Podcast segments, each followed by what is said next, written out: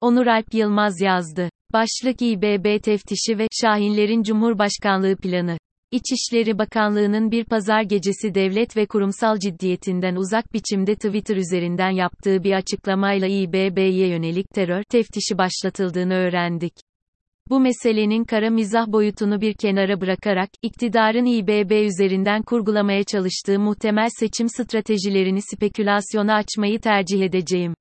AK Parti'nin, Şahin, LERİ ve Güvercin, LERİ kimler? AK Parti'nin içinde İçişleri Bakanı Süleyman Soylu'ya yakın kişilerden oluşan bir Şahinler ve eski milli görüş geleneğinden gelen Adalet Bakanı Abdülhamit Gül'de tecessüm eden bir de Güvercinler grubunun varlığından bahsetmek mümkün. İlk grup, MHP ile olan simbiyotik ilişki ve milli güvenlik siyasetinin sürdürülmesini isterken, ikinci grup ise günden güne sertleşen rejimin AK Parti'ye zarar verdiğini düşünüyor. Nitekim çok da haksız sayılmazlar. İktidar partisi MHP ile yakınlaştıkça başta eski merkez sağ seçmen ve Kürtler olmak üzere kendisini yıllarca iktidarda tutan gruplarla ilişkileri negatif yönde seyretmeye başladı.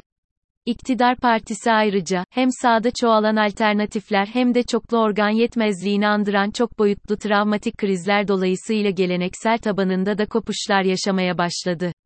Ancak 2015'ten 2018'e kadar de facto, 2018'den bugüne kadar da decir olarak süren bu uzun süreli ittifak boyunca AK Parti'nin şahinleri ile MHP arasındaki ilişkiler giriftleşti.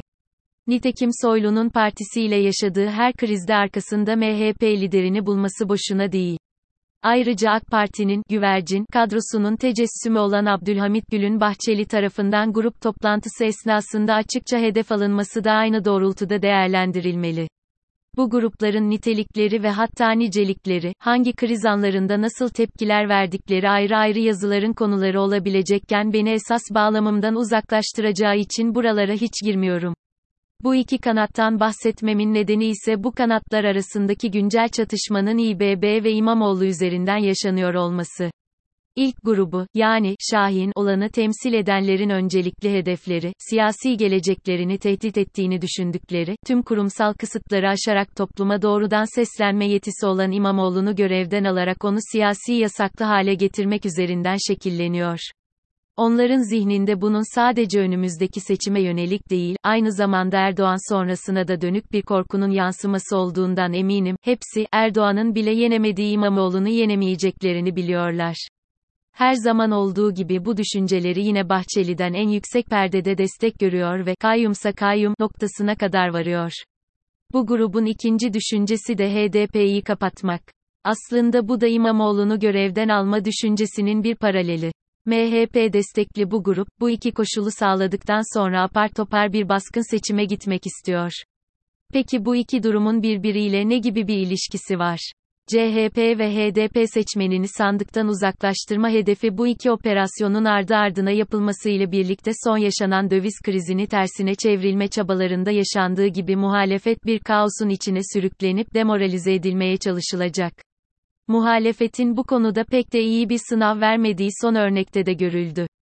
İşte tam da bu kaosu yaratmada başarılı olunduğu anda ise kamuoyu baskısıyla birlikte Mansur Yavaş'ın adı İmamoğlu olamıyorsa Yavaş olsun denilerek öne çıkarılacak ve Erdoğan rakibini de şekillendirmiş olacak.